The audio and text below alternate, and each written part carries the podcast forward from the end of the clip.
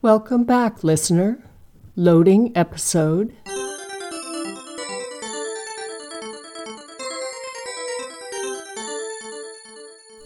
Loading completed. Enjoy your spell episode.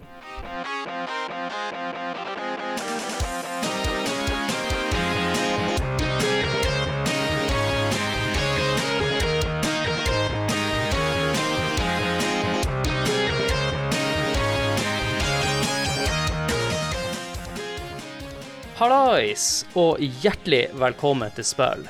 Podkasten der vi tar et dypdykk i eldre, men også nye spill. Og forresten, mitt navn er Adrian Haugen, og driver podkasten Spill sammen med Håkon Puntervold.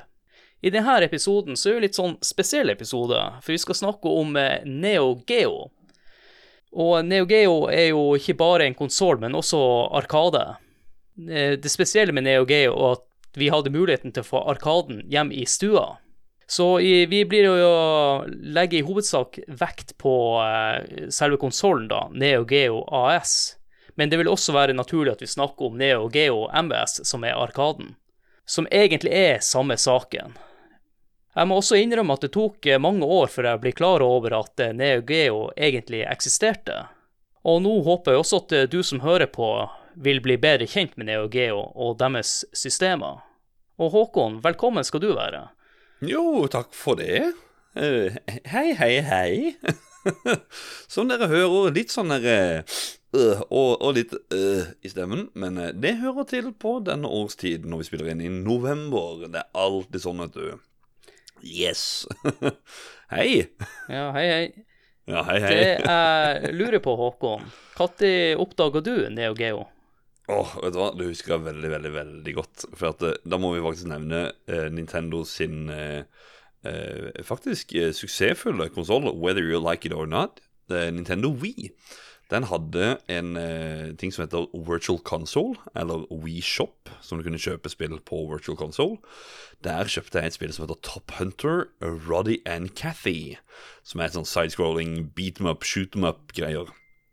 I mine øyne så så det bare dritkult ut, så jeg kjøpte det. Og så kom det sånn der funky intro med noe sånn veldig melodi og alt sammen. Stod Neo Geo Jeg tror maks 300 og noe Litt sånn der annerledes enn alt annet. Og grafikken stakk seg veldig ut, og jeg bare Hm. Så husker jeg at jeg googla det, og da oppdaga jeg plutselig mye sånn der i form av eh, ja, Metal Slug og, og alt dette her. Og videre så har det jo blitt mer og mer kjent på grunn av blant annet tidligere nevnt, eller nevnt i tidligere episoder Retromessa, hvor jeg har testa disse her maskinene og ja. Mm.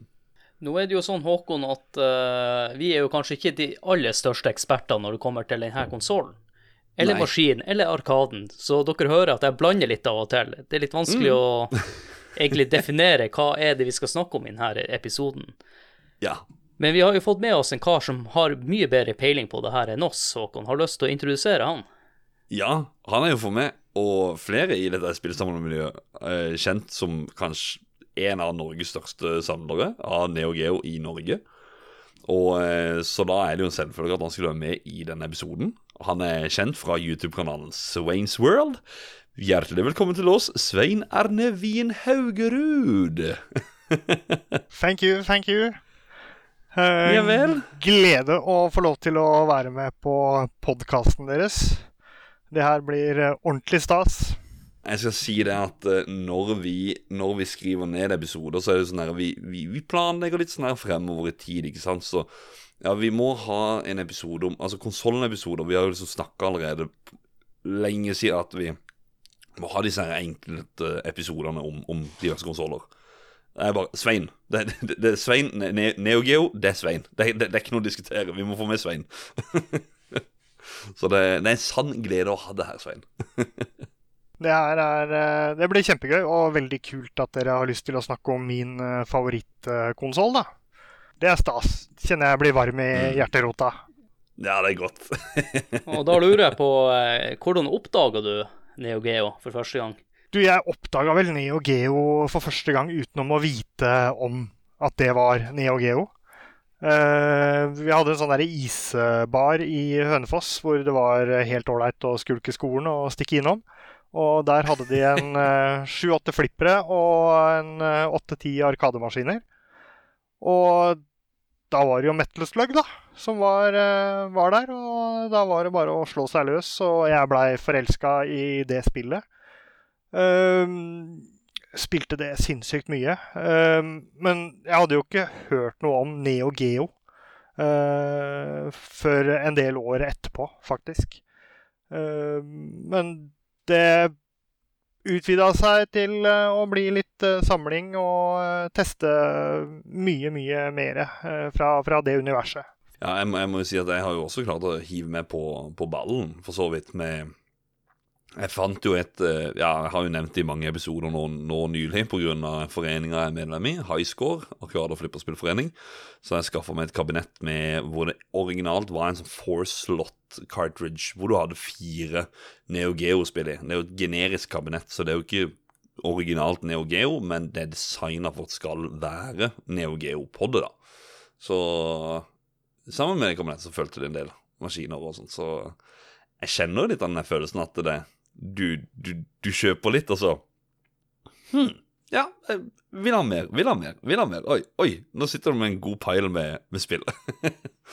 Selv om jeg kan sette den er veldig enkle å se på, sånn, det er veldig enkelt design, så syns jeg de, de, er passe vakre, altså. Det er ja, utrolig fint. ja, og Neo Geo er jo ganske dyrt å, å samle på, spesielt uh, Neo Geo AES. Så jeg tenkte jeg skulle fortelle dere litt om hvorfor Neo Geo AS ble så dyr som de ble. Uh.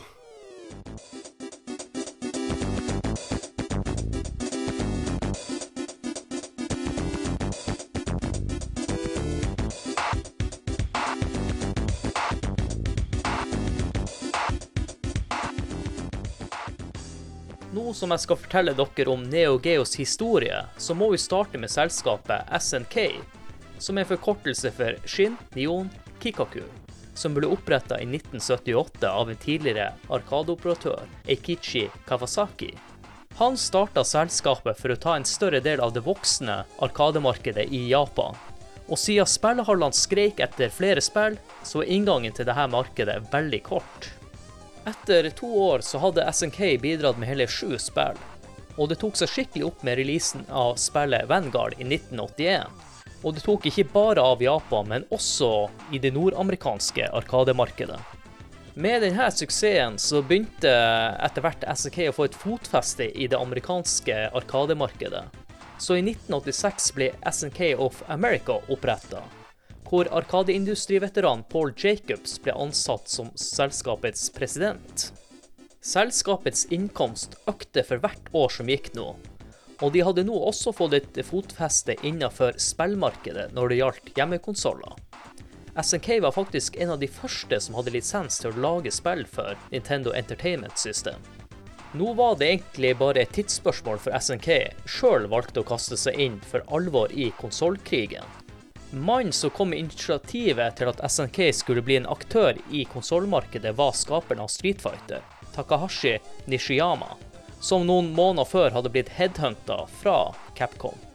Hans idé var at SNK burde gå over til room cartridge for sine arkademaskiner, og dermed kunne de også benytte samme systemet for potensielle fremtidige konsoller. Bakgrunnen for ideen med room cartridge var å gjøre SNK-arkademaskinene billigere. I stedet for at du måtte kjøpe et kabinett for hvert spill, så kunne du nå benytte samme kabinett, men kun bytte ut spillet. Når det kom til hjemmekonsollmarkedet, så innså de raskt at her var det hull i markedet. Deres intensjoner var ikke å erobre hjemmekonsollmarkedet. De ønska å rette sitt fokus mot andre aktører som hadde større midler, som f.eks. hotell og barer, hvor de igjen kunne leie ut dette systemet til sine gjester, for at gjestene igjen skulle kunne få den ultimate arkadeopplevelsen hjem i stua, eller på hotellrommet for den saks skyld. 31.1.1990 så valgte SNK å vise frem deres eh, Neo Geo-systemer. Og de besto av Arkadeversjon som var Neo Geo MVS, og hjemmekonsollen Neo Geo AS. Og måneden senere presenterte de et lite utvalg av spill for systemet. og gjorde det klart at Neo Geo AS ville kun være tilgjengelig for kommersiell virksomhet. Den 26. april blir både Neo Geo MBS og AS sluppet ut i Japan. Og her bruker historien som regel å bli avslutta, men ikke denne gangen. Som jeg akkurat nevnte i stad, så var det jo sånn at Neo Geo AS ikke var tilgjengelig for hvem som helst. Og det var jo mange folk der ute som ytra et ønske om å skaffe seg denne konsollen. Og det her var jo noe SNK registrerte, og de lova etter hvert at også det skulle bli tilgjengelig for privatpersoner. Det skulle ta litt over et år før SNK innvilga de her ønskene fra publikum. Så den 1. juli 1991 blir Neo Geo AS tilgjengelig i både Japan og Nord-Amerika. Og det jeg ikke har nevnt nå, er prisen på Neo Geo AS, men jeg tenker vi skal snakke om det her litt senere i episoden. Og da lurer jeg på, er det noe kommet nå som er nytt for dere, eller er det noe dere har lyst til å tilføye, med tanke på det jeg har fortalt dere nå? For eh, min del så er det jo ikke, det er jo ikke ny, ny informasjon. Eh, det som er kult å, å ta fram, er jo den, eh, den hotelluniten som de kom med, som var en MVS. Arkadekartene til arkademaskinene. Som du kunne leie karts på hoteller. Ser ut som en mikrobølgeovn. Helt helt in insane produkt. Hvor jeg kan nevne at det ble solgt en på eBay i jeg tror det var 2021, 2020, for 59 000 dollar. så det er jo galskap fullstendig, det samlemarkedet i, i Neo Geo-verdenen. Alt er jo dyrt. Uh, men vi skal komme tilbake igjen til prisen på hovedkonsollen. Advanced Video System, som AS mm. uh, Nei, Advanced Entertainment System, som AS uh, eh, står for. Vi skal jo også snakke litt mer om hardwaren og, og, sånne ting etter hvert. Det det er, en kul greie. Og fullstendig ja. bon bonkers galskapsprodukt. som kom samtidig med Super Nintendo, som er det å sammenligne med. da. Ja. Så jo også som Sega Genesis sin hovedkonkurrent til, til, Super Nintendo og Genesis. Den eh, AS-en, eh, når den først kom på åpne markedet, så var det jo ikke retta mot små unger, akkurat. Det var jo mer bortskjemte unger og uh, unge voksne og de som hadde muligheten til å tjene penger. Absolutt, og hvis man ser litt på markedsføringsmaterialet de brukte, så, så, er det jo definitivt ikke retta mot barn og unge, ung ungdom. Eh, det er relativt eh, hardcore, eh, eksplisitt en del av markedsføringsmaterialet. Med, med, babes i, i, i, lingerie og Stemmer det, ja. Det, det, er den maskinen, ja. Stemmer. Det var jo der det var ei dame eller noe sånt. Ja, du, du får damer med å spille med, med, med, denne maskinen. Det er jo ikke noe Det er ikke plass for noen Nintendo eller noe her. det er nydelig. Uh, jeg syns det at eh, Shin Nihon Kikaku At det er, for, at det, er det som SNK, SNK er forkortelsen for, det var jeg ikke klar over. Jeg har aldri, aldri, aldri tenkt over hva SNK var. Uh, annet enn at uh, Ja, SNK er, er liksom tilknytta Neo Geo. Det har jeg liksom tenkt i alle år. Det er jo sånn med de fleste selskapene, er jo at de er som regel en forkortelse som uh, de har brukt noen ut av bokstavene i den forkortelsen. Mm. Men jeg vil også nevne det at uh, når jeg holdt på med det her, så ble jeg litt overraska over at uh, eh, SNK var en av de første lisensierte uh, ja. som kunne produsere spill til Nintendo. Og det overraska meg litt, for jeg var ikke klar over på forhånd da, at de lagde spill også til NES. Jeg har faktisk en del, eh, blant annet Alpha Mission og diverse, og jeg var faktisk i Nederland. Eh, så gjennom noen NES-spill eh, på en hylle der, og så så at det var en, SN, en del SNK-titler. Da sendte jeg melding til Svein. 'Hei, Svein, har du disse her?' Siden det står SNK på. Altså, ja, selvfølgelig hadde han de. Så jeg kjøpte de sjøl, da. men så jeg, jeg, visste jo at de er eh, på Nes, men at de var de første eh, til å ha lisensierte eh, eller at det var en av de første til å ha lisens på, eh, på lagspill til NES, det som NES-samler så sjokkerende. Kult. De har jo den kjente serien Ikari Warriors uh, uh, 1, 2 og 3 på NES. Mm. Og ikke minst uh, golfspillet Fighting Golf. som eh, de har tatt eh, og videreutvikla videre til eh, ideen da, om et eh, golfspill. Til, eh, kom også til AS og MVS. Så de har eh, vært veldig veldig aktive, og de kommer jo også med en del spill eh, til både Super Nintendo og, og andre. Mm. Uh, hardwaren ble jo ikke lagd av SNK i, i første omgang. Det var jo ADK, som var et annet selskap i sammensuriumet her, som, som sto for hardwaren i, i, i AS-en i starten. ADK, vet du, vet du hva det står for? Nei, det, det husker jeg ikke, men de Hva siden vi var inne på hva SNK var for noe? Men, men nei, nei, da hopper vi videre. Men, men de, de ble også en spillpublisher eh, etter hvert, og har jo eh, releasa en del spill via, via SNK seinere. Det er jo derfor jeg også bruker å spørre om det var noe, har noe å tilføye. For når jeg lager de her, så er det ikke sånn at det er mye mer info. Spill handler ikke om hvordan spillet ble laga, men det er en fin måte å introdusere det vi skal snakke om. Det, er veldig bra at du nevner det, da, Svein. Jeg fikk det med meg, men eh, det er jo bra at du også nevnte det. Og at det var flere aktører som var med på å produsere det her. Mm. Og eh, jeg tenker det kan være naturlig da for oss å uh, bare gå litt gjennom litt sånn specs uh, på uh, Neo Geo AS. Og vi må jo nevne at MVS og AS, det er jo egentlig samme maskin. Bare at den ene står i en, i en arkadekabinett, og den andre er den hjemmekonsollen, da. AES er hjemmekonsoll, og MVS er et eh, arkademaskin. Ja, sa jeg feil? Nei, nei, jeg bare jeg, jeg det bare ikke du nevnte det der. det var bare det. Og forkortelsen MVS er jo for multivideosystem. Bare for å ta det sånn kjapt, eh, så var jo det for at uh, arkadeoperatørene skulle spare penger. Uh, Mm. Og kunne sette inn uh, et uh, Yama-board, altså et arkadeboard, med mulighet til å sette inn flere billig. Og da ha en Mm. tilnærma lik generisk arkademaskin, uten å måtte rebrande arkademaskinene til det ene dedikerte spillet som var vanlig fra før. da. Eh, Så nå kunne du få opptil fire eller seks eh, spill i samme, samme kabinett. Og igjen eh, at operatørene skulle tjene mer penger. Det var jo litt sånn som jeg nevnte tidlig i stad, at eh, det var jo en av ideene til det eh, kartsystemet.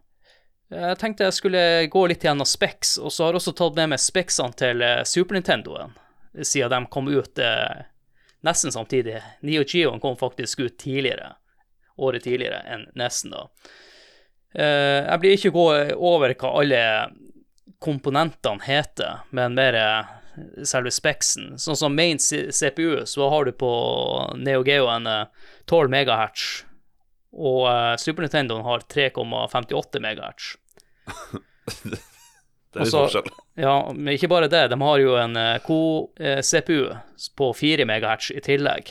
Så sammenlagt 16, da. Ja. ja. Og eh, soundchipen eh, er på 8 MHz på Neo Geon, og Super Nintendoen har eh, litt over 1000 eh, MHz. Eller egentlig Eller er det 1,0 MHz? Jeg tror det er 1,024. 24 MHz. Ja. Men, men det, det, det er jo litt sånn derre Ja. Det, det er sånn smak og behag, egentlig. Men, men, det, men det er sykt, da. Det blir enda sykere, for okay. Ok. eh, hvor mange farger du kunne kjøre samtidig, så kunne Neo Geoen uh, kjøre 4096 farger samtidig, mens Super Nintendo kunne kjøre 256. Ikke sant? Eh, Så det er jo store forskjeller her. Åh, ja. Det er Ja, det, det er litt eh, Lyden, da Der har du 15 kanaler, mens Super Nintendoen hadde eh, 8 kanaler. Så det forklarer jo også hvorfor musikken er så mye bedre på Arkade, da, og Neo Geoen her. Og så har du opplysninger, som er på eh, 320 ganger 224 på Neo Geoen, mens Super Nintendoen har 256 ganger 239. Her er litt sånn uh, Overrasker meg litt at eh, rammen til Neogen Neo Geo er bare på 64 kilobyte, mens Super Nintendo har 128 kilobyte. Men eh, igjen så henter jo den på videokortet, da, der Neogen Neo Geo har 128 kilobyte, mens eh, Super Nintendo har bare 64.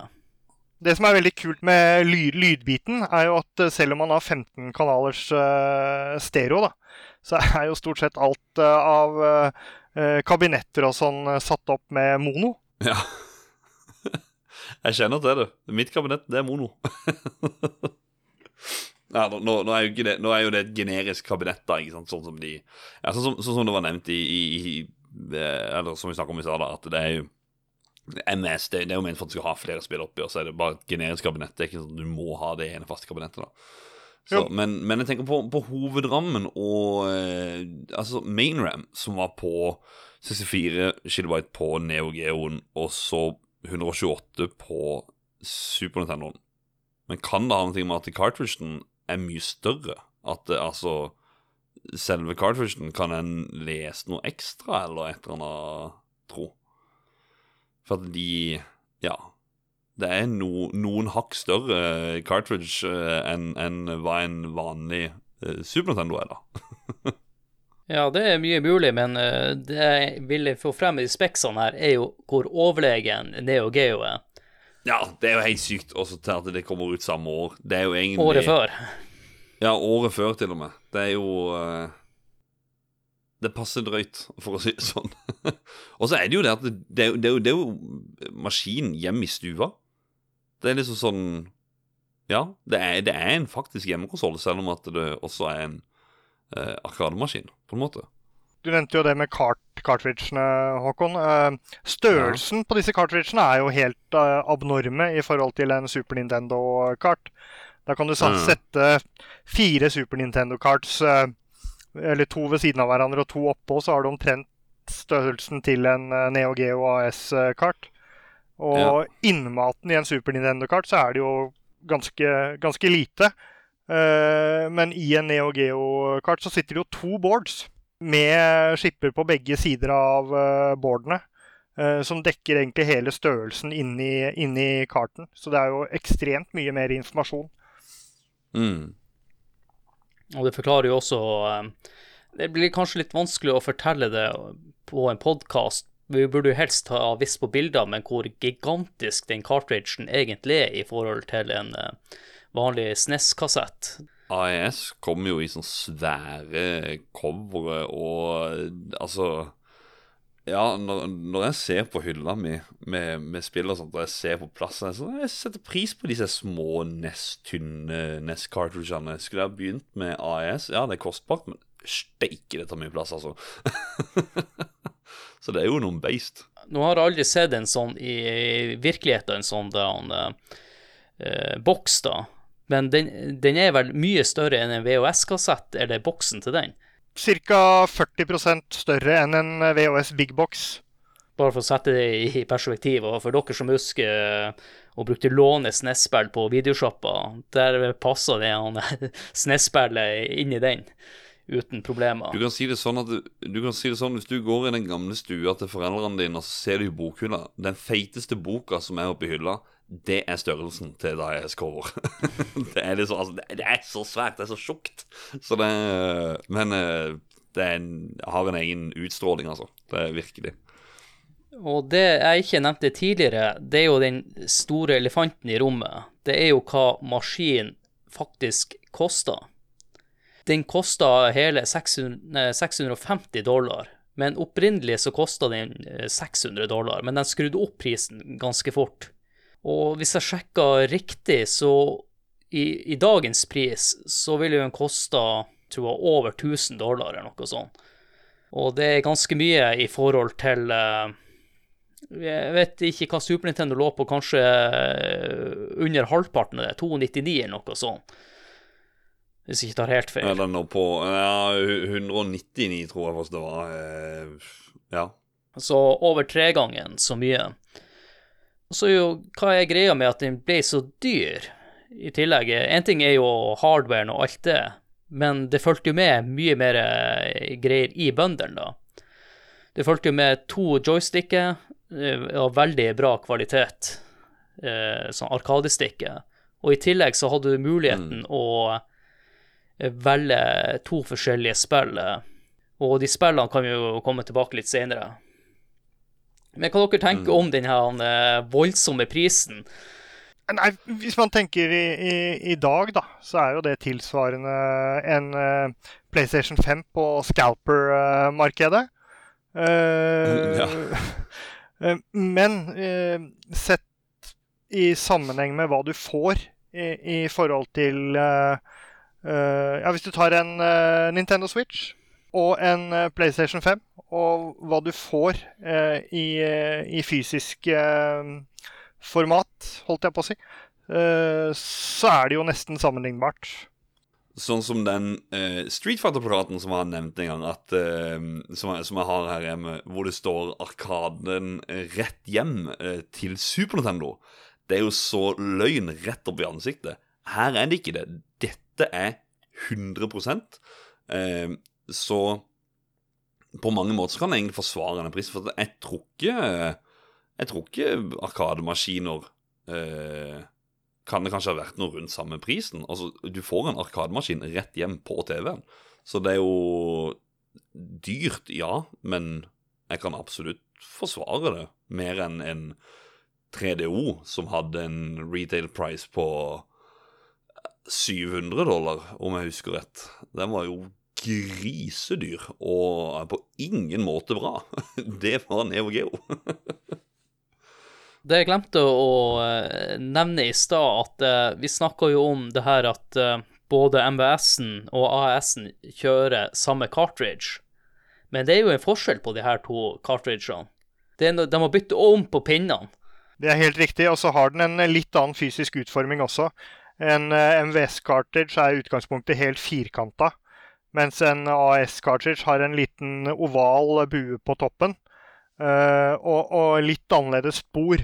Uh, men nå er det jo Og det kom veldig tidlig i, i, um, i løpet her. Så kom det jo adaptere for å kunne kjøre uh, AS-kart i MVS-maskinen. Fordi i starten av, av, løpet her så var jo faktisk AS-kartene billigere enn MVS-kartene. noe som ikke er tilfellet i dag. Nei, overhodet ikke. Det er ikke tilfellet, nei. På ingen måte. så, så, det er jo faktisk veldig vanlig å finne gamle, gamle arkadekabinetter. Big Red, som de, de kalles. De eh, mm.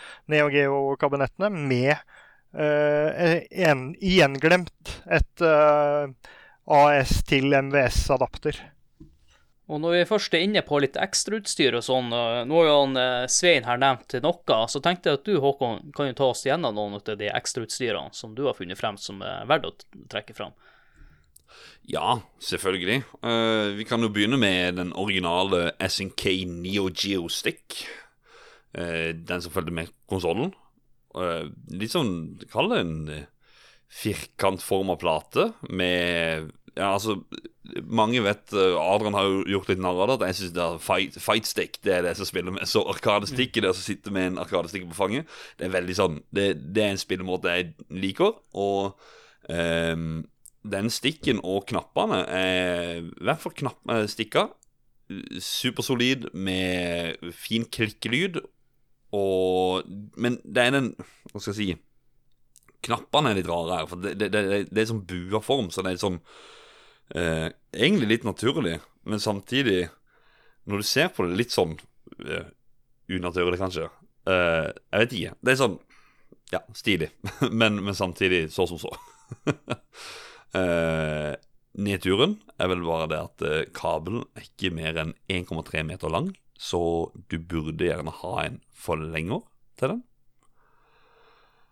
Er det noe mer å si om den, eh, En, jeg syns det er en veldig god uh, stikk, men de fleste modder jo gjerne de i dag. Uh, mm. Og setter inn, uh, setter inn, nye knapper, gjerne konkave. Og så hadde, hadde, den en liten svakhet i den båltoppen på, på, stikka. De pleier å være sprekt når man kjøper en maskin i dag. Oh, ja.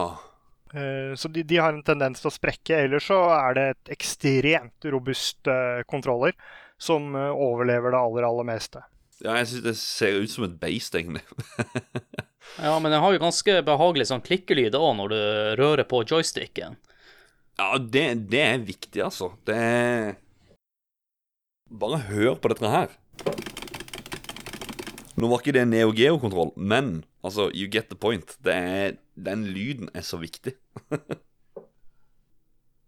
Og ut av annet utstyr så har vi jo eh, Altså, det var jo noe som het Neo Geo CD som kom. En, en eh, Kall det en, en nyere versjon av maskinen, da. Eh, vi skal jo ikke snakke om den, men jeg tenkte vi må jo legge med dette her eh, tilbehøret som kom til den, også siden det er ganske vagt, altså, med, med, med tilbehør til Neo Geoen. Jeg tror det går greit, Håkon, fordi at uh, jeg tror ikke vi blir å dedisere en egen episode til Neo Geo CD. Det kan jeg si at Nei. det tror ikke jeg gidder. Nei. Men der fulgte det med en ny stikk. Um, litt sånn Kall det litt sånn avlang og buete i kantene. Uh, og denne gangen så var knappene mer på en sånn rett linje. Og så, nå må Svein hjelpe meg. Han het Hva er navnet navn, kallenavnet er på han? Er det er en Bob? Nei, kid, kidney, uh, kidney stick. Kidney stick, er det ser, det? ser ut som en nyre. Eh, Ja. I, i utformingen eh, på den. Ja, for det, jeg, jeg, jeg tenkte litt sånn i forkant Hva skal, hva skal jeg sammenligne denne her med? Avlangssted et, et egg? Nei. Nei. Eh, Men ja. ja En kidney. Ja. En nyre. Rett og slett. Og båltoppen på denne er jo konkav, så her har du jo noe å legge tommelen oppi.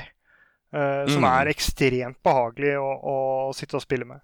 Og så er han vel litt mindre også. Bitte litt. Uh, sånn i, i, i dybde.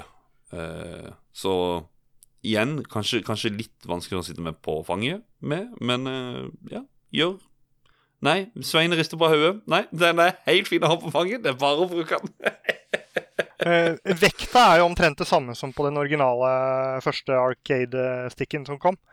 Eh, -hmm. Og, og um, den, den ligger veldig godt. Altså, det er min, min favorittstikk eh, til eh, Neo Geo, er kidney-stikken, uten tvil. Jeg må bare spørre, Svein, den Neo Geo CD, er den eh, lett å få tak i i dag?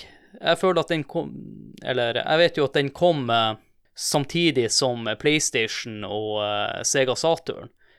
Sånn at der AES-en var overlegen de andre generasjonene som kom ut samtidig, så klarte vel kanskje ikke Neo Geo CD å leve opp med tanke på at de- den blir tatt igjen, da. Nei, det er nok helt riktig. Det, det er relativt enkelt å få tak i Neo Geo CD-konsoller, men den kom i tre-fire forskjellige versjoner. Uh, du har en som heter for CDZ, som har en to ganger hastighet på, på eh, CD-rommen. Uh, som er en litt mer kostbar og litt vanskeligere å få tak i. Uh, det som er forskjellen kanskje på en Neo Geo CD mot en MVS eller en AES, er jo selvfølgelig at her får du mye loadetid. Eh, Du har jo stort sett samme innhold og kvaliteten, altså samme spilleopplevelsen. Eh, Men her kan du godt eh, ta oppvaska imellom mellom loadinga. Eh, Ja. Og, men her får du da CD-kvalitet på musikken. Eh, lydsporene på Neo Geo CD er jo helt fantastisk. Så det er fortrinnet til eh, Neo CD. Apropos Neo CD, eh, skal ta en liten Segway der og si eh, første gang jeg spilte på han. For at da, da spilte jeg på Neo Geo CD Pad, altså håndkontrolleren. Og da spilte vi King of Fighters, tror det var 97. Og apropos loading Griselang loading. Jeg trodde først det var maskinen som hadde stoppa alt sammen. Nei, OK, nå begynte spillet. OK, begynner å spille. Og så ba- bare det ørlille trykket. Så var det sånn Å, herregud, for en kontroll. Veldig rare buer. Sånn litt rar å holde, på en måte. Ikke, ikke sånn, han har ikke sånn godt grip. Men den der stikka, eller den D-paden, eller hva det er for noe, som har sånn mikroswitcher inni seg Altså, du, du bare beveger bare rundt bare for å høre den lyden. Det er så eh, solid, deilig Ja Der viste Svein antydning til å få frysninger! Det er liksom Det er så bra. Altså, altså, ja, men jeg, jeg, jeg tuller ikke. Det er mm, magisk eh, kontroll, rett og slett. Dyr òg. Eh, begynner, eller, eller for én stykk, var jeg inne og så Vil jeg ha en Ville ha en, og så gikk jeg inn på eBay da og søkte opp. Ja, det lå på sånn 700 eller noe. Jeg bare Ja, riktig. Det er for de gamle originalene. Og de er jo notoriske for å gå i stykker Ja. i, i tillegg. Ja. Men, men uten, uten tvil den beste gamepaden, eller D-paden, som jeg har testa noensinne. Og den er helt magisk. Jeg får, som jeg prøvde å vise til Håkon og Adrian her, at jeg får jo ståpels av å snakke om den eh, D-paden. Den er helt, helt magisk. Så den utfordrer Super Nintendoen. Ja, ja, ja. Vet du hva, faktisk, jeg tror Super Nintendo med den, eh, med den stikkeren eller den D-paden eller den, så, så, så snakker vi krem de la krem. Det, det som er nedturen her, er jo gjerne de knappene, syns jeg, som ikke er Jeg synes ikke de er så solide som f.eks. En, en, en Super Nintendo. Men eh, for all del, kongekontroll. Den er jo sikkert ikke så dyr som den andre du skal snakke om nå. Nei, at, eh, men, men vi trenger ikke si så veldig mye mer enn at den heter Mayong-kontroller. Og det ligger i ordet. Det er en svær plate som er et Mayong-brett, eller, eller sånn knapper til Mayong. Og nå i snakkende stund, altså 3. november eh, 2022, så ligger den ute på eBay til den nette sum av 10 000 kroner. Eh, Mayong-kontroll. Nei. Nei. Jeg melder pass. fullstendig galskap. Ja, For- vært, har du hvert- den, Nei, det har jeg ikke. Men jeg har vært på Nei, for det hadde ikke sjokkert meg. Jeg har vært, vært på nippet flere ganger, faktisk, eh, til å uh, hit the buy button. Uh, Ja, men jeg har greid å motstå fristelsen. Jeg kommer jo ikke til å skjønne en dritt av det. Jeg har jo Nei. prøvd å spille et par av disse Mayong-spillene også, og det er jo Nei, jeg, jeg skjønner ingenting. Rett og slett. Du, apropos ikke skjønne en dritt. Eh, neste vi kan snakke om, er SNK sitt memory card, som er minikortet. Altså Man tenker jo ikke sant, minikort, du bare legger det inn, du bare lager spillet. Den er grei. Men siden AES er hjemmekonsoll, MS Arkademaskin Hei, de hadde en eh, De hadde en sånn memory card-slott på begge deler. Jeg har sett det fysisk, jeg har aldri testa det, så derfor skjønner jeg ikke en dritt. Svein, åssen fungerer det? Eh, kan jeg få lov til å nevne en ting først? Er jo at eh, det her er jo den første maskinen som har memory card. Det er jo veldig viktig å få med seg. Du dæven, det er det, ja. Det blir det jo. 1990 Ja. Så det er veldig viktig å få med seg det. Men ja, Svein, åssen fungerer det i praksis, egentlig? Jeg har sett det, men ikke prøvd. Fungerer som alle andre minikort, faktisk. Du uh, la, loader eller saver, eh, saver gameplayet ditt. Eh, veldig ofte da highscorene dine. Altså det er jo scorene du saver her. Eh, Ja. Det er jo arcade-basert, så du har liksom ikke mulighet til noe save state, sånn som vi kjenner i dag. Eh, men da kunne du ta med highscorene dine og eh, ut i, eh, på Arkadesjappa, dytte inn minnekortet ditt, eh, laste opp og og spille og satte ny rekord. Ta den med deg hjem og, og kose deg. Så det, det er eh, ikke et veldig stort eh, minikort, ikke plass til veldig, veldig mye. Eh, men det var jo ikke mye informasjon de skulle ha der heller. Nei, det var noe tekst. Men tro. veldig kult. Det er jo den første, som Adrian sier, aller, aller første konsollen som hadde minnekort. Og jeg er ikke helt sikker på hva tanken er bak det, og hvor mye det ble brukt. Tanken bak var jo det akkurat du fortalte nå, at du skulle kunne ta med deg saven hjemmefra og til Arkadal.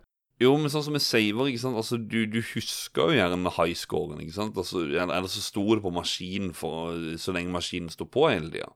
Men eh, Altså, det var jo ikke så mange spill som var eventyrbaserte spill til Arkademaskin, som var sånn her, si Zelda, eh, som var på Nes, eller ja, sånne ting da, som, som krevde lagring under progresjon i spillet. Så Men ja. Uh, jeg ser liksom for meg Det er én kid i gata. Han har lommeboka fylt med memory card. Og bare sånn Øy, se på meg. Jeg har 10 000 i highscore på dette spillet. Hva er det du har? 4200? Nå, nå fikk jeg sånn herlig flash på netthinna om en kar som kommer med lang frakk og drar fram den og har, har innerfòret fullt av Neo Geo minnekort. eh. I, I alfabetisk rekkefølge, for det er så mye highscore. Så han liksom På dette er det spill A til F. Der er det Ja, men Som, sånn business, eh, business-wise også, så skjønner jeg jo ikke ideen. Eh, Det koster jo mye penger å utvikle dette her. Men eh, Ja. tviler jo på at dette har vært en veldig lønnsom uh, investering. Hvis de da ikke fikk tatt noen patenter og fått solgt det videre til andre som uh, skulle ha minnekort. Ja, men det, det, er jo med andre som også har uh, brukt det samme systemet, men jeg kommer ikke på i farta. Jeg lurer på om Nintendo har vært inne på det en eller annen gang i tida. Og kanskje til og med har nevnt i Famicom-episoden. Jeg mener bare å huske at det, det er noen flere som har hatt den tankegangen, da. Men du sa, du sa lønnsomt uh, i stad. Uh, og ordet lønnsomt det tilhører veldig på det siste det siste ekstrautstyret jeg tenkte vi kunne nevne, som jeg vil vel tro var mest tredjepartsleverandører som kom ut med det. Det er vel MVS til AES-adapter. Jeg tenker sånn, Bare for oss å få nevnt det nå i, i dagens eh, eh, samlemarked rundt, dette, eh, altså rundt NeoGeo, så er jo MVS det billigere alternativet. Så hvis du har en AES-maskin og en eh, MVS til AES-konverter, eller adapter, så ja, totalt så tror jeg du kan spare en del penger, for å si det sånn. da kan du spare veldig mye penger. Det som er viktig å nevne, er jo at det er jo ikke perfekt. Eh, det er noen eh, spill som eh, sliter litt mer enn andre, men de fleste fungerer veldig, veldig bra. Og så er det jo små detaljforskjeller på AS og MVS-spillene. I forhold til å kunne stille vanskelighetsgrad. I forhold til å ha unlimited games, altså credits. Så det er, jo gjort en liten sånn endring i, i oppstarten på spillene, da. Og noen av spillene så har du litt større forskjeller på hjemmeversjonen og Arkadeversjonen også, i in game. Nei, men jeg tenker også Det er en sånn lønnsom måte å gjøre det på. Det er, det er litt sånn for dere som, som kanskje kjenner til ikke sant, Nes, og som du nevnte, Adrian, så er det jo Famicom. Det er jo to Altså, Nes og Famicom er jo det samme. Det er jo bare Japan og USA, eller Europa.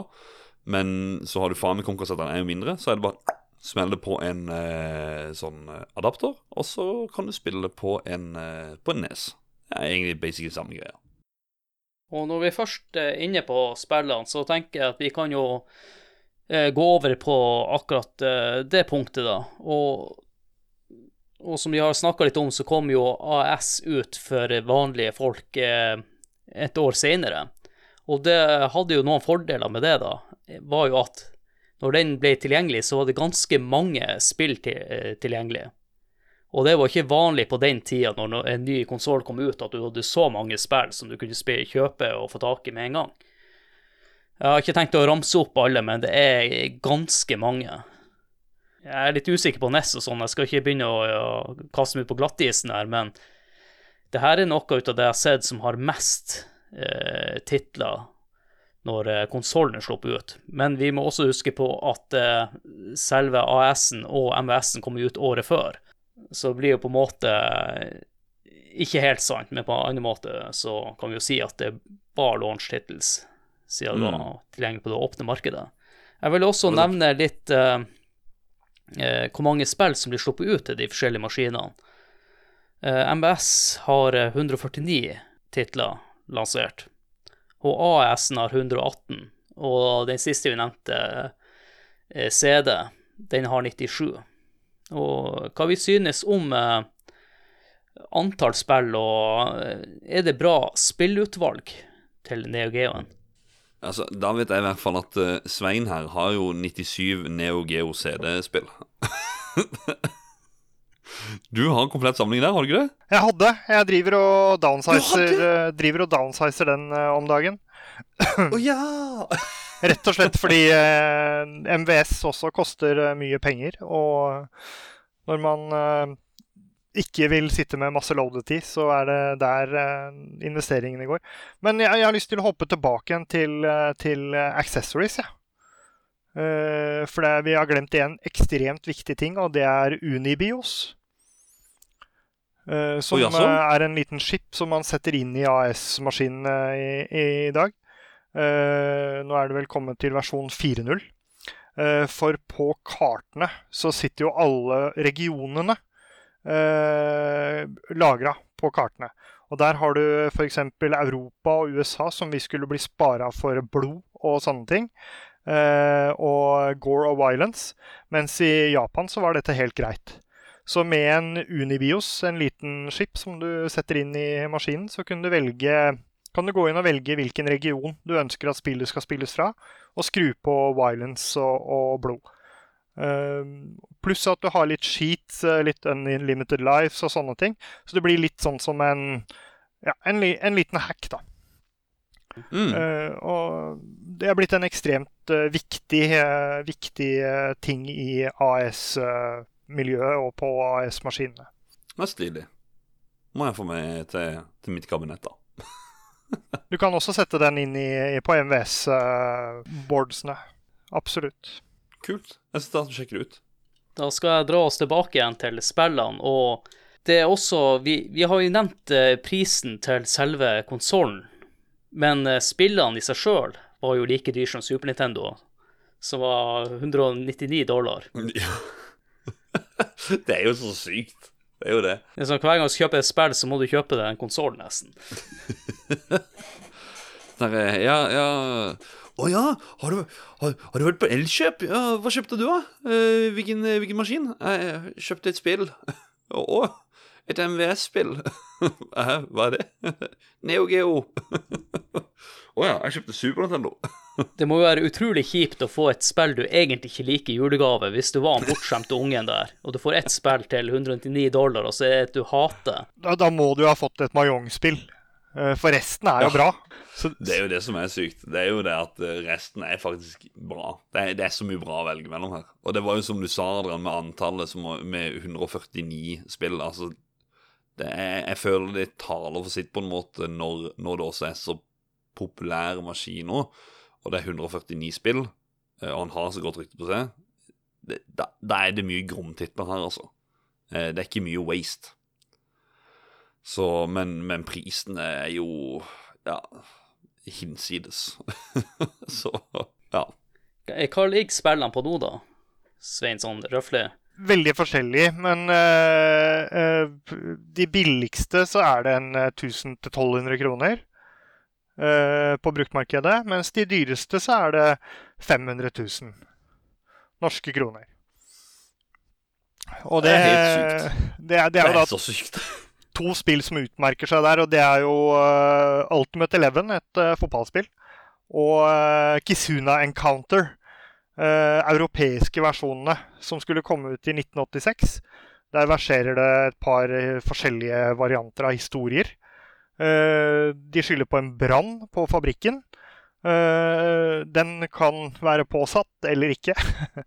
uh, det spekuleres jo i om den er påsatt i forhold til skattefordeler. Men da var det en som jobba på fabrikken som greide å plukke med seg fem uskadde spill. Eh, som man vet om av eh, Kizuna Encounter. Så det finnes eh, fem, fem, av den som man er klar over. Og den har gått da for oppi 50 000 euro.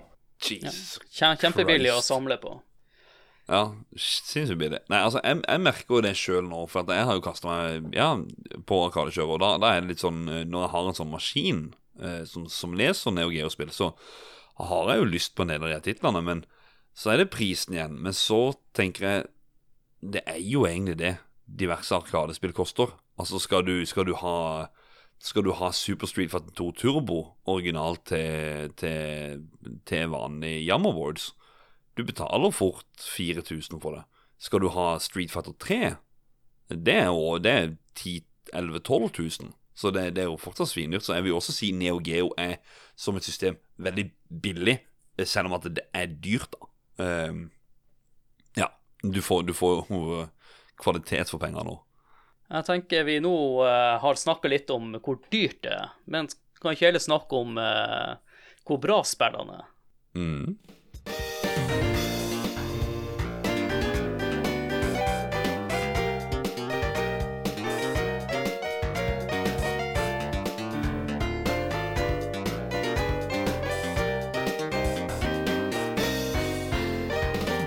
Håkon, har du lyst til å dra fram et spill som du har lyst til å trekke fram? Ja, sett deg ned i sofaen. Ta det helt med ro. Nyt musikken fra det fantastiske golfspillet Neo Turf Masters, som er utviklet av Nazca Corporation og selvfølgelig utgitt av SNK i 1996. Det som er litt gøy her, er det at Nazca Corporation eh, som utvikla det. Dette her var det første spillet de lagde. Eh, golfspill. Og så det neste de lagde, Metal Slug, som bare er bam, bam, bam, bam, bam. skyt, skyt, skyt, skyt, skyt. Men det er det er ikke Metal, Slug, Metal Slug jeg skal snakke om. Eh, det, er, det, er, altså, det her er et golfspill. ikke sant? Altså, de av dere som har testa Tiger Woods og sånne ting, dere skjønner hva jeg mener om at det er, det er deilig bare ta et slag med golf. Men det er noe med grafikken, med spillemåten, åssen eh, lyden er i spillet, og musikken Det er bare så kos. Og så er det et golfspill som bare høres så totalt uinteressant ut.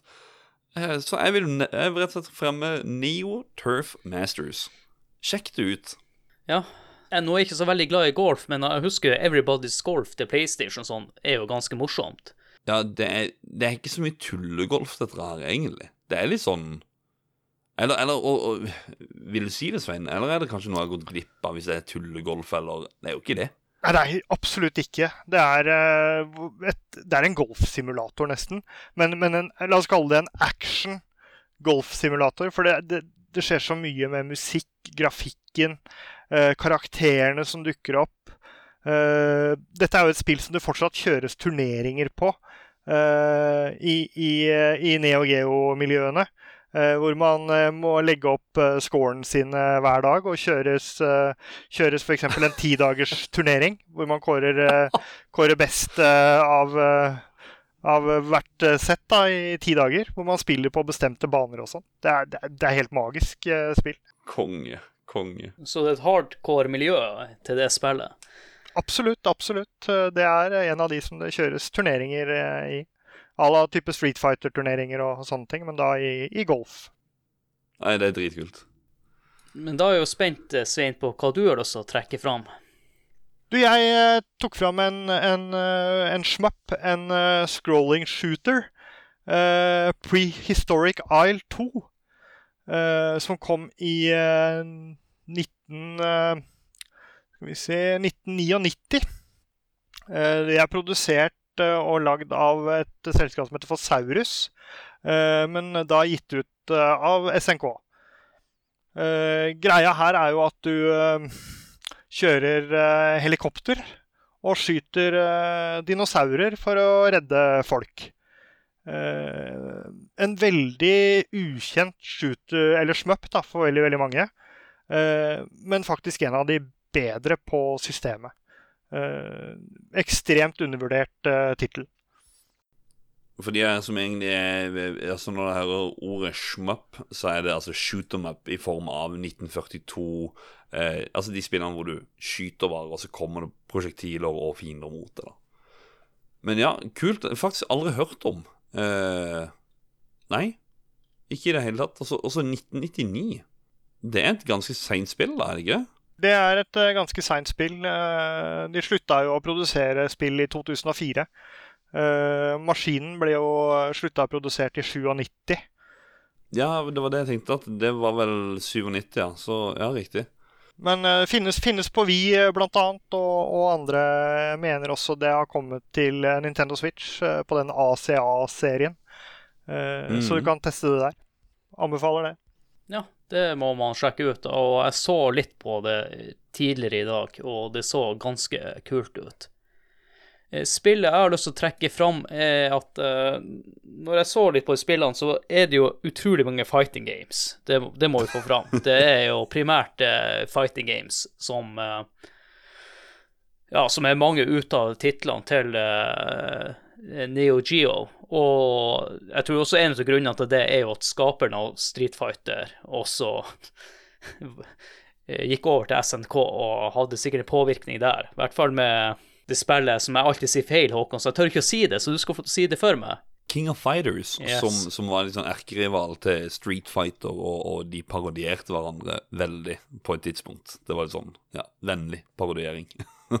Men det, det var en liten eh, digresjon. Eh, Det egentlig Ja. jeg har lyst til å få frem her, er jo et eh, spill som ble lansert med eh, Neo Geo i 1990, som heter Magician Lord. Som er utviklet av Alfa Denshi, som var en stor aktør, i hvert fall i starten hos SNK, med å lage spill. Magician Lord jeg har aldri hørt om det før, men det så veldig interessant ut. Eh, Det som er litt eh, spesielt her eh, i spillet, det er jo sånn action-plattformer, på en måte. Du kan sammenligne det med Ghouls and Ghost og litt sånne type spill. Power-upsene her er jo av litt mer originale slaget. I stedet for at du får et nytt våpen, noe sånt, så blir du en ny type karakter med sine egne eh, hva skal jeg si, skill Ja, moveset. evner, eller evner eller ja. abilities. eh, Ja. Yes. Og det fascinerte meg utrolig mye. Men spillet er dritvanskelig, så du må forberede deg på å bruke mye tid på å huske ting. Timingen må sitte inne, og eh, det som også er greia her, at uh, når du dør, så starter du heldigvis på samme plassen. Slipp å starte brettet på nytt. Det ligger jo litt grann i, i, i det du sier der, at uh, du, du må liksom uh, Altså, En ting er at du, du får lov til å fortsette, og da tenker jeg sånn Det er jo med pengesluk, og så du synger etter Å, kan jeg fortsette? Legg på en tier, og legg på en tier, og legg på en tier. Utfordringa der er jo at på AES, som er konsollen, så har ikke du muligheten til akkurat det. Så de har lagt inn Continuous. Og det gjør at AES-versjonen er nesten umulig å klare. Du skal være spesielt begava for å klare å runde det her spillet. Og Svein, har du klart det her spillet? Du, det har jeg ikke. Det er et av de spillene som jeg blir kanskje mest irritert på. Men når jeg har da Unibiosen, så Ja. kan jeg sette på litt uh, unlimited eh, powers og sånn, og da er det straks eh, mye morsommere. Eh, eh, veldig pent spill til å være i 1990. Ikke like eh, fint i dag. Du ser at det er ganske tidlig spill, men det har sin sjarm. Og det er jo derfor jeg vil trekke frem også at når jeg så over spillbiblioteket, så var det jo som sagt mye fighting games, og det her stakk seg litt ut. Og det var også morsomt at det her var eventuelt lanseringsspillene. Så det var egentlig det jeg har lyst til å nevne om eh, Magician Lord. Jeg kan jo ta neste, og eh, da skal vi til utvikleren Data East, som noen kan kjenne fra ymse konsoller. eh, Og spillet jeg skal snakke om, det er enda et sportsspill. Det er Windjammers. Det er selvfølgelig publisert av SNK, og det kom ut i 1994. Windjammers er et én mot én frisbee-spill i form av eh, si nesten det er tennis, egentlig. Det er, det, det er et nett imellom, og så skal dere kaste frisbee. Og så har dere mål på hver deres eh, side. Du kan velge forskjellige baner som har litt sånn diverse Ok, den ene har fullt av vegger, den andre har kanskje fordelt opp målene litt og sånne ting. Eh, Du kan velge mellom seks karakterer, som også fordeler styrke og Jo, det er styrke, speed, og så er det noen sånn special moves som de har. Det er eh, et frisbee-spill du aldri skulle du- Altså sånn se for deg. Eh, Det det, det er så ikke frisbee som du får det til å, å bli. Fantastisk. Eh, brukt mange timer på det. Eh, på eh, på online. Eh, Jeg gjør det faktisk til PlayStation 4. Storkost meg med det. Og jeg er et spill jeg absolutt har lyst til å ha til mitt kabinett. Eh, og en ørliten fun fact jeg fant ut av med dette spillet her eh, før, før denne episoden, det var at når spillet kom ut, så fikk de sånn her Kall det sånn terningkast tre, nesten, på, på, eh, på scores og sånne ting ifra blader. Edge ga det liksom fem av ti. Men i 2017, da ga eh, Giant Bomb eh, som en runner-up i eh, retro, eller, Retro Game of the Year, eller sånn ja, gammelt spill som som de skal kåre på nytt. Så i 2017 så så det dagens lys, og det har faktisk fått en oppfølger den dag i dag, som også kan anbefale å sjekke ut. Har dere spilt Windjammers? Selvfølgelig har jeg det. Jeg pleier å kjøre turneringer. Jeg har noen sånn game nights uh, inniblant her. Og da har jeg eh, hengt opp en sånn whiteboard. Der henger det vel eh, fortsatt eh, resultatene fra forrige gang. Eh, men da er Windjammers eh, en av de vi pleier å kjøre utslagsturneringer eh, på.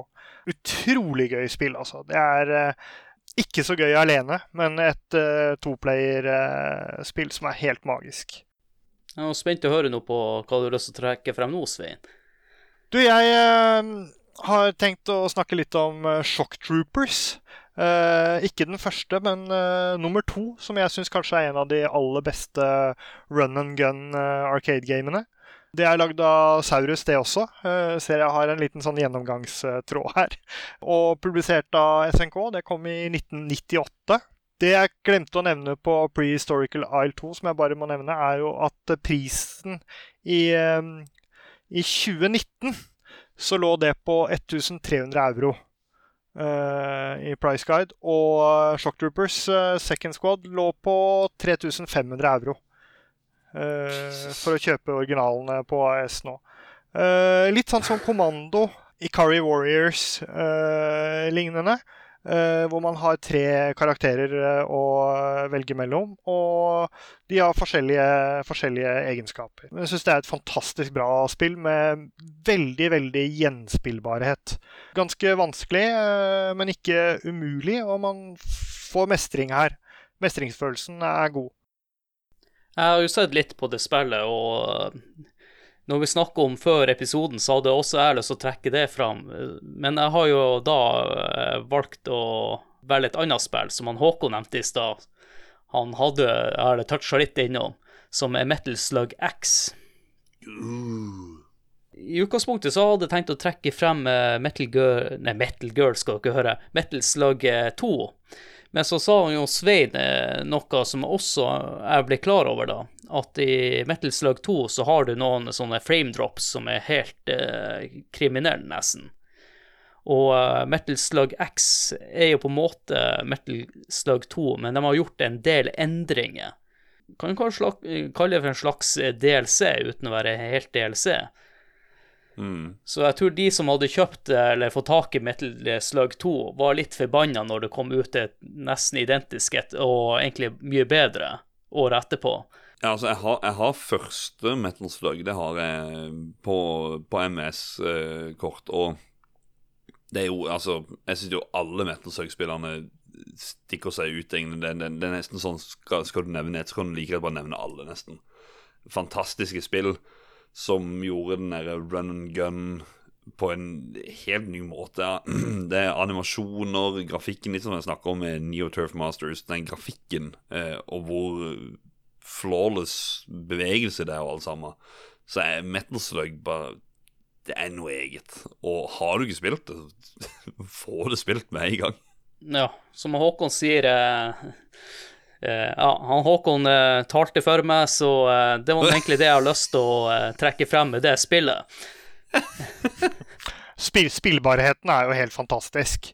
og, og gjenspillbarheten. Altså, og, og, så må man jo nevne at det er ikke veldig politisk korrekte spill, men det er lagt inn mye humor i spillene også. Og alle de små detaljene og det der er ganske fascinerende. Og det er så mange detaljer at du får ikke med deg detaljene heller, dessverre. Fordi det er så mye action i tillegg som skjer. Men uh, hvis du noen ganger skal se på en annen spiller Metal Slug, så følg nå med litt i bakgrunnen og litt sånne ting, for det er så mye detaljer som skjer. Dere kan jo alltids gå inn og se når Neo Geo World Tour var på retromessa i uh, det Og hva var det for noe? 2019, tror jeg? Eller så var det 2018? Og da hvem, hvem, hvem, var det som kom på førsteplass da i Metal eh, Slug-konkurransen som var der? High score? Jo da, det var som han sa sjøl, Thomas White han annonserte NFH Punty, altså Nights from Hell, som i, det var et publag vi var en gang i tida. Men eh, jeg vant en konkurranse faktisk i high score på Metal Slug. Og etter den tid prisa de spillerne mye mer. Ja. Bare pga. det. Og det ble klippet ut? Nei, nei da. Det der skulle se han Håkon. Han er, han er, så glad i å skryte av seg sjøl at uh, han blir nesten redd for at jeg skulle ta det bort. Men du skal ha det med din historie der, Håkon. På ingen måte. er det noe andre type spill uh, vi har lyst til å bare nevne, da? Svein, du har jo eid uh, nesten alle spillene, så du kan jo få lov til å trekke frem noen flere som du har lyst til å nevne, eller jeg vil jo, vil jo ta fram Superspy, som kom i 1990. eh, som er kanskje en av de første Arkade FPS-ene, altså First Person Shooter-spillene. Uh, litt à la Doom og Quake og sånne ting, men da fra 1990 på Arkade. Uh, ganske, ganske unikt. Uh, og så har jeg lyst til å nevne at det produseres jo fortsatt spill til Neo Geo, og det kommer De lager carts og, både til MVS og AS. Og der har jeg en stor favoritt som kom i 2010, som heter Fast Striker. Fra en utvikler som heter NG Dev Team. De har også lagd en del til Switch og sånne ting. Dreamcast har de også kommet med en del ting til. Men soundtracket der, det er helt magisk. Og du som liker trans og sånne ting, eh, Håkon, uh, det er rett opp din gate. Det er et sånn bullet hell uh, shooter-spill. Vet du hva, Svein? Du skal få lov til å sende meg link til en, låt du har lyst til å ha med, så skal denne låta komme om litt. Det er, det er greit. Jeg har også soundtracket på CD. Til, til, til, spillet. Det er helt magisk. Ekstremt vanskelig spill. Men der har jo også NG Dev Team da, kommet med forskjellige De har jo vært veldig gode på bullet hell shooters, men de har også kommet med en Crowdbuster-sak, som er en metal slug homage Som er en run gun. Veldig, veldig likt Metal Slug, men med samme type humor og, og sånne ting. Det kom for et par år siden. Vi nevner jo ganske ofte Metal Slug. Hvis dere ikke har spilt det eller sett det, så gjerne bare sjekk det ut. Det, det er noe for seg sjøl, i hvert fall. Eller så kommer det nedover til Kristiansand, så kan dere ta og spille det på kabinettet som jeg har der. Eller uh, kontakt Svein og si hei, gamingkveld. yes. yeah. Uh, det, det, som er spesielt, er jo at ingen av oss har valgt noe Fighters. Nei. Uh, og det er jo det konsollen er mest kjent for, men det sier jo kanskje litt om kvaliteten på de spillene som de ikke er mest kjent for. Men du har jo Vi, vi kan jo ikke la være å nevne Samurai Showdown. Som er eh, liksom grunnpilaren til eh, SNK og, og Neo Geo. Uh, som, som, har blitt adoptert uh, videre på mange konsoller. Uh, som fortsatt lever i dag og produseres nye spill til både Xbox One og, og PlayStation 4 og 5. Det har vært et av hovedspillerne i uh, EVO, uh, altså Evolution. Det er fighting-spillturneringer, verdensmesterskap, sett som det, da. Der, ja. Nei, det er en fantastisk serie, det også. Vi kunne sikkert ha snakka mye mer om spillene, men vi må komme oss ja. litt videre i episoden her. Eh, vi har jo snakka litt om priser og sånn i, når det kommer til Neo Geo, og det jeg lurer på, Svein, hvordan er samlemarkedet rundt Neo Geo om dagen, og har de like mye trøkk som andre konsoller? Ja, Det er jo helt insane. Uh, man ser jo at uh, eh, f.eks. Nes og en del andre får en uh, prisdupp. da, At det, det, har falt i pris. Uh, Neo Geo, AS og MVS det stiger jo bare i pris hele veien. Det er en sikker investering. Jeg må innrømme sjøl at jeg kjøpte opp en del AS-spill for en tid siden, og satte jeg på MVS. Så jeg solgte unna det jeg hadde til jul i fjor, Casha inn eh, lånet på begge bilene og mastercardet. Og eh, var happy camper til jul eh, der. Nei, pri, pri, prisene de er helt insane. Det er helt bonkers, eh, rett og slett. Hvordan har det vært siden du begynte å samle, da? Du, Det har dobla seg. Dobla seg på bare noen få år. Ja, jeg husker det var en på messa, eller på, på ja, som vi nevner ofte, retromessa, at det var en som solgte Det var noen AES carts i, i boks. Alt fra 500 til tror jeg 1500 eller noe. Eh, det var i 2016. Og det var jo sånn der Nysgjerrigheten var der jo, men eh, nei. En, en skjønner jo ikke Eller en, en, skulle bare skjønt og hvilken investering det kan ha vært. Fordi at eh, de øker jo bare i verdi, de spillene. De går jo ikke ned. Det er det som er med Neo Geo generelt. Det går bare opp, opp, opp, opp. opp og det blir jo bare mer og mer ettertrakta på samlemarkedet. Uh, en av de spillene han hadde der, var Magician Lord, uh, Håkon. Uh, til, oh. til, 750 kroner. Går i dag for 2500-3000 kroner. Ja, ikke sant. Ja, nei, det er sprøtt. Det som er interessant, Håkon, eh, du har jo vært i kontakt med en tidligere gjest der for å høre hvordan eh, Neo Geo gjorde det i Norge. Ja, karen ifra, eller en av karene fra episode 50, eh, tidligere eier av Spiderman i Oslo, Kjell Gunnar Høen, som også driver Tilt nå, for så vidt. Um, hans, Jeg spurte bare åssen, åssen var det med eh, var det med Neo Geo i Norge? For det er jo, som vi snakker om, prisen har vært veldig høy. Så på Arkadefronten så var det vel egentlig ikke én Arkadeoperatør som ikke hadde et par sånne generiske kabinett. Det er jo sånn kabinett som jeg har nevnt at jeg har, som ikke er originalt Neo Geo, men med da MVS eh, inni. Fordi at det, det var en mye enklere, eller mye billigere løsning. Eh, AES det solgte de noe på Spiderman, mest i Oslo-butikken. Eh, det var ikke voldsomme mengder, men det var én nå da. Og så, ja, det fantes noen Neo Geo Eller noen hardcore Neo Geo-fans, eh, han sjøl inkludert, eh, i Norge allerede på midten av 90-tallet. Så fra 1996 og oppover så kjøpte han alle AES-spillene eh, nye. så det En inu, ja, investering, kan du vel kanskje si. Men helt på tampen her, eh, hvis folk har lyst til å skaffe seg en eh, Neo Geo, MBS eller AS, det er jo ekstremt dyrt. Finnes det noen eh, rimeligere alternativ, Svein? Jo, det finnes eh, flere rimelige alternativer, men nå er jo ikke AS-en ekstremt dyr, da. Eller det er jo relativt. Men fra en fem til sju, sju og et halvt for en konsoll. Med, med, en stikke og gjerne et spill eller to som følger med. Er markedsprisen på AS Eh, et MVS-board eh, går for en 1500 kroner. Og hvis man da har en supergun som man kan bruke, også en konvertering til å kunne kjøre Arkade innmatt på en vanlig TV, så kan du slippe unna med en 3000-4000 kroner. Uh, men det er jo da prisen på spillene igjen som, uh, mm. som gjør at det blir fort, fort heavy. Men de kommer jo med en Neo Geo Mini for en uh, par-tre år siden. Uh, med en, Jeg husker ikke hvor mange spill det er. Ja. Det er vel en 20-25 spill. Den kan jo lett moddes som alle andre sånne minikonsoller.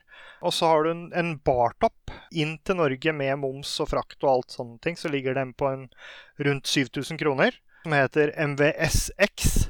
Som er en toplayer bartopp, som jeg syns er, er av ålreit kvalitet. Den kommer da med 50 spill. Mm. Og så har du jo masse på Nintendo Switch uh, via den ACA-serien. Det er samlinger på forskjellige konsoller. Så, så, det er gode muligheter for å kunne teste og spille Neo Geo-spill på, på, det meste. Ja, jeg har sett disse her eh, Jeg kaster meg litt på det Supergun. Altså, Supergun er jo egentlig bare en Det er som at du kjører skartsignal på et jammerkort, altså et arkadebrett. da Og jeg ser jo titt og ofte at disse pakkene ligger ute med to kontrollere og en supergun, et multiboard. Så det er liksom en sånn enkel løsning, men eh, Det spiller kanskje ikke like bra, men, men, jeg ser det som en sånn veldig grei løsning. Og de, hva de koster for noen sånn pakkepriser på, på eBay? Du kan finne de til 2000-2500 eller noe, og da har du en sånn Det, det er ikke ekte the real deal, men, men det, det er nære. Men som du også sier, ACA-utgivelsene også på de switchene. Hvis du har lyst til å ha bare, eh, bare Metal Slug, kjør på med den. Det, det er helt topp, det òg. Og det finnes jo også multicarts til, eh, til uh, både AS og MVS. Uh, eh, mm. med, med, noen spill som ikke funker så godt, men de fleste fungerer helt greit. Ja. Og med det skal vi sette et punktum for uh, episoden og gå over til å rate i dette tilfellet blir det jo AS-en, da, siden det er en konsollepisode. Mm. Jeg tror jeg egentlig bare skal sette i gang med det.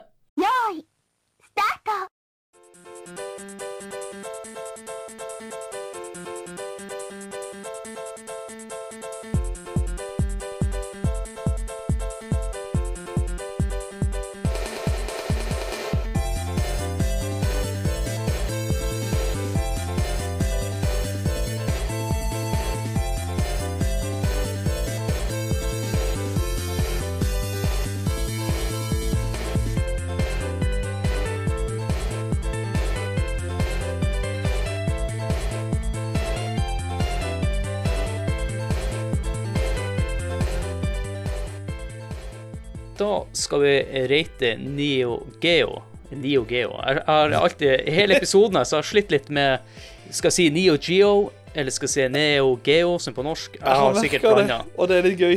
Ja, jeg har blanda, men det vi ikke skal blande, det er faktisk eh, hva vi skal rate. Vi blir ikke å rate Arkade-versjonen av Neo Geo, som er MVS-en. Vi skal fokusere på AES-en.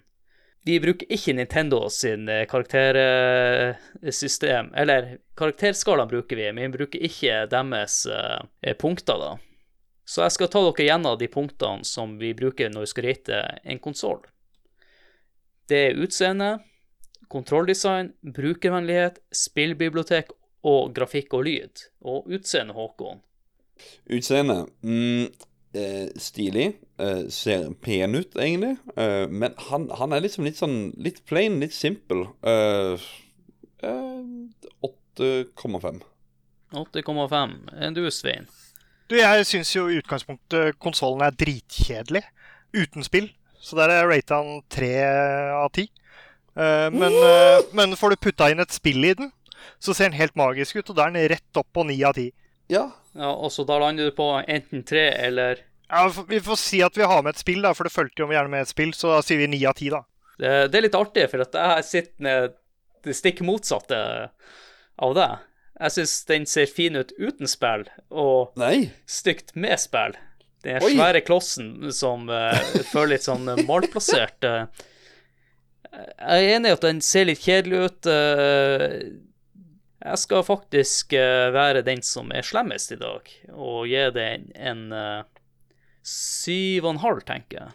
The Big Bad Wolf. Ja. Ja, ja. Kontrolldesign, Håkon, det er jo fightstick. Her eh, regner jeg vel Ja. med at uh, du får en høy karakter. Nei, han gjør jo egentlig ikke det. Fordi at eh, det er ikke Sanva, stick og buttons du får her. Eh, Du får god kvalitet, for all del, men altså designet på liksom Jeg prøvde også å poengtere litt det med bua, men det var litt Jeg kanskje holdt litt tilbake for at vi skulle snakke om det her. Eh, jeg jeg, syns egentlig den kontrolleren der er Ja, som Svein sier også, de bytter ut knapper og alt sammen. Så jeg gir han eh, av ti. Det finnes så mye bedre arkadestikkere der ute. Enn du, Svein? Ja, nå er det jo veldig få konsoller hvor det følger med arkadestikker, da, Håkon. Så, eh, og det er jo kontrolldesignet, og vi snakker om originalkontrollen. Eh, så da tenker jeg som en eh, kontroll som følger med en maskin, så er den helt magisk. Og Da har jeg satt ni av ti. Det eneste som trekker den eh, fra ti av ti, er at den båltoppen eh, sprekker.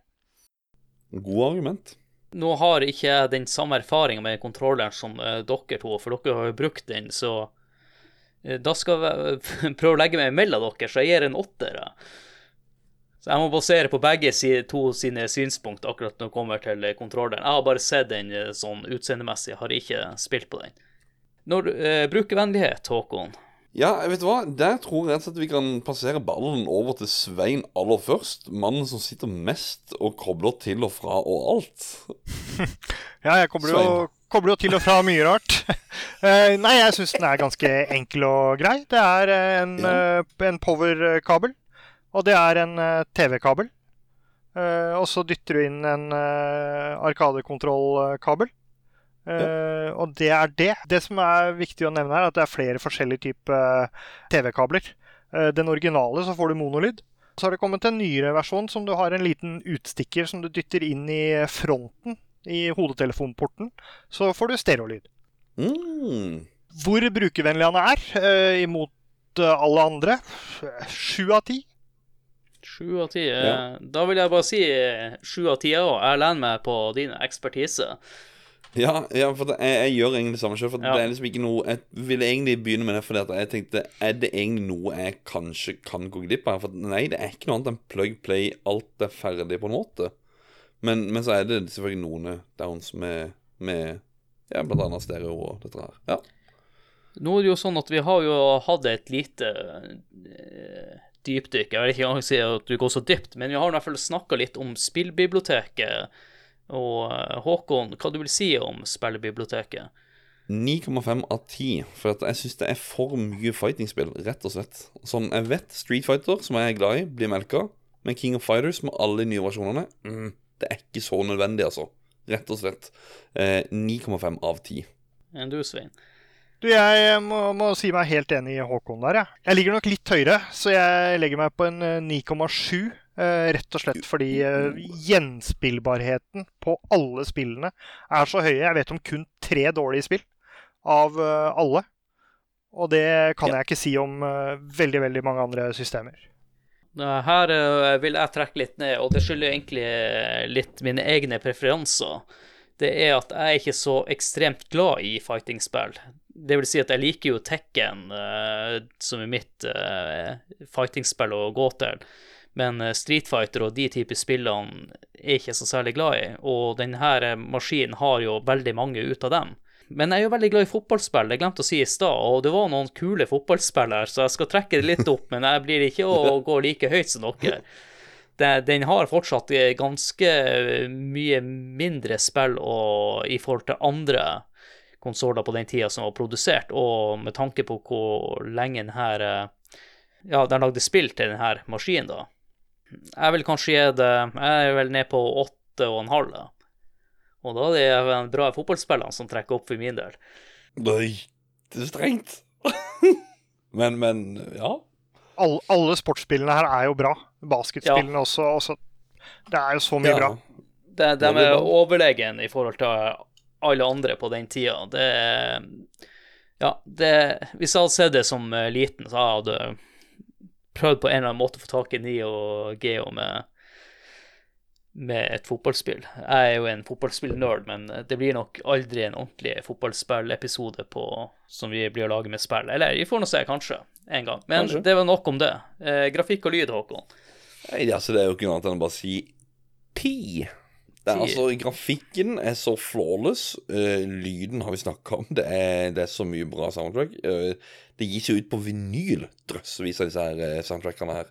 Så det Ja, det jeg kan ikke gi det noe annet enn ti, rett og slett. Svein. Jeg er på, på ti av ti, jeg også. Eh, Det er jo helt magisk hvis man setter det tilbake igjen til den tiden der det kom. Det er ingenting som er sammenlignbart. Artig du sier det med sammenlignbart. Eh, Jeg vil si at eh, det her er vel kanskje det alle sammenligner med. Og derfor vil jeg gi det også et ti av ti. Det var sånn Det var jo det her jeg så for meg framtida skulle være på spillfronten. Ikke med at vi skulle få 3D-spill, men at eh, 2D-spill skulle bli enda bedre og se enda finere ut. Så derfor gir det også eh, ti. Og vet du hva som er så fett med det du sier der? Det var det sånn du trodde framtiden, eh, skulle være. Vet du hva slagordet er til SNK? Nei. The future is now. Yes. Det er jo en, eh, det er jo per, det er jo en perfekt avslutning på denne episoden. Frysninger. Og med det så eh, bruker vi å gjøre sånn i spill at gjestene får lov til å plugge det de holder på med. Og Svein, er det noe du har lyst til å plugge? Du, har jo, du driver på med Sveins World. Uh, ja, jeg har jo en uh, liten YouTube-kanal som det går litt sånn opp og ned med, uh, med innhold. Driver ellers mye med laserdisk, som er et filmformat som ser på størrelse med vinylplater. Som jeg syns er helt Mm. magisk pga. coveren og størrelsen og sånne ting. For å si det sånn, Svein, du liker å samle på ting som koster penger, rett og slett. Fla flashe gryna mine? Nei da.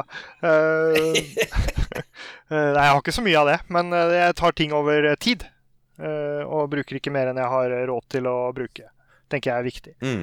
Uh, ellers så er det Nei, jeg, jeg tenker at hvis noen har lyst til å slå på tråden, eller sende meg en melding, eller hooke meg opp på Face og snakke Neo Geo, så gjør jeg gjerne det i timevis.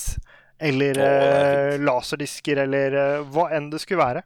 Så er jeg tilgjengelig eh, for det meste for alt som er gøy.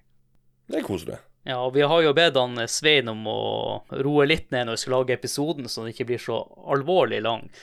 Så eh, som han Svein sier, hvis dere har lyst til å prate enda mer om Neo Geo, så eh, ta kontakt med han. Han eh, har bare visst brøkdeler av alt han vet og kan i Mm. denne episoden. Ja, my mye vi ikke har snakka om. Uh, Hyper Neo 64, Neo Pocket Alt mulig av uh, Atomic Wave, etterfølgerne til uh, Neo Geo. Altså, det er, det er utrolig mye gøy. Ja, Ja. det er mye gøy, men uh, nå er det jo sånn at eh, man må prøve å, å, å begrense oss litt, men eh, som han Svein sier her, det er mye mer vi kunne hatt med i episoden. Kanskje det blir en eh, del to eh, i framtida. Ja. Jeg stiller opp, jeg. Nydelig. Nydelig. Men da er det vel min tur til å kjøre den faste plugginga som vi også gjør, Adrian? Ja, Eller? Ja. vær, vær så god. Ja, for at vi er jo en podkast som samarbeider med flere podkaster. Som da er Lolebua, det er Spillrevyen, Ragequit og Likos univers med gjedda. Hvis du er glad i noe eh, sweet merch fra podkastene du hører på, så kan du sjekke ut merch-shoppen vår, som du finner link til i episodebeskrivelsen. Der kan du kjøpe deg en T-skjorte, kaffekopp, kokkeforkle øh, for, for Ja, det er mye, mye å bla gjennom der. Vi har også en Facebook-side, et Facebook-community og en Discord-gruppe som dere kan være med i. Link til det finner dere også i episodebeskrivelsen. Og så må vi som alltid rekke stor, stor, stor takk til Joakim Froholt, som skriver en artikkel om hver episode på spillhistorie.no. Og helt på tappen, så eh, Hvis dere ønsker å backe oss inne på Patrion, så kan dere gjøre det inne på patrion.com slash lolbua. Der finner dere en egen tier som heter Nachspiel, og da vil dere få en egen bonuspodkast, eller en Patrion exclusive podcast, som er litt mer sånn dagsaktuell. Hva spiller vi om dagen? Eh, snakker generelt bare om alt mulig rart. Og hvis du vil, så kan du hoppe opp på en takk til på festdeltaker. Da får du også med Roffelbua, som er en samarbeidspodkast med alle podkastene. Litt samme greia. Kjør på med tema. Ja, bonuspodkast. En god bunke, med andre ord. Som sagt, eh, bare hvis det var noe dere eh, gikk glipp av, så bare sjekk episodebeskrivelsen. Der har vi stort sett det meste. Mm. Så vil jeg rette en stor takk til deg, Svein, at du har lyst til å dele din kunnskap om eh, Neo Geo med oss og lytterne. Bare hyggelig. Det var kjempetrivelig. Og så vil jeg jo si takk til deg, Håkon, eh, som vanlig, for at eh, du var med på denne episoden. Jo, selv takk, Adrian. Ja, Det takk. var veldig, veldig trivelig. Det var Jeg sitter her så tett i nesa at det er helt grusomt. Jeg vet ikke om folk hører det, men jeg har vært relativt tett i nesa i hele episoden her. Så ja. Jeg håper det gikk, gikk sin gode gang. Ja. Tenk, tenkte jeg skulle nevne at du så litt tett ut, så Ja, ja men det er alltid, så det Og for min del så har jeg sittet foran PC-skjermen her siden klokka åtte, og nå er klokka 22.40. Så jeg har sittet her i noen timer, så jeg er veldig klar på for å komme litt bort fra PC-en og sove. Og med det så vil jeg si tusen takk for at du hørte på denne episoden, og håper at du også har lyst til å høre på episoder videre med oss i spill. Og med det gjenstår det bare for meg å si ha det! Hei da!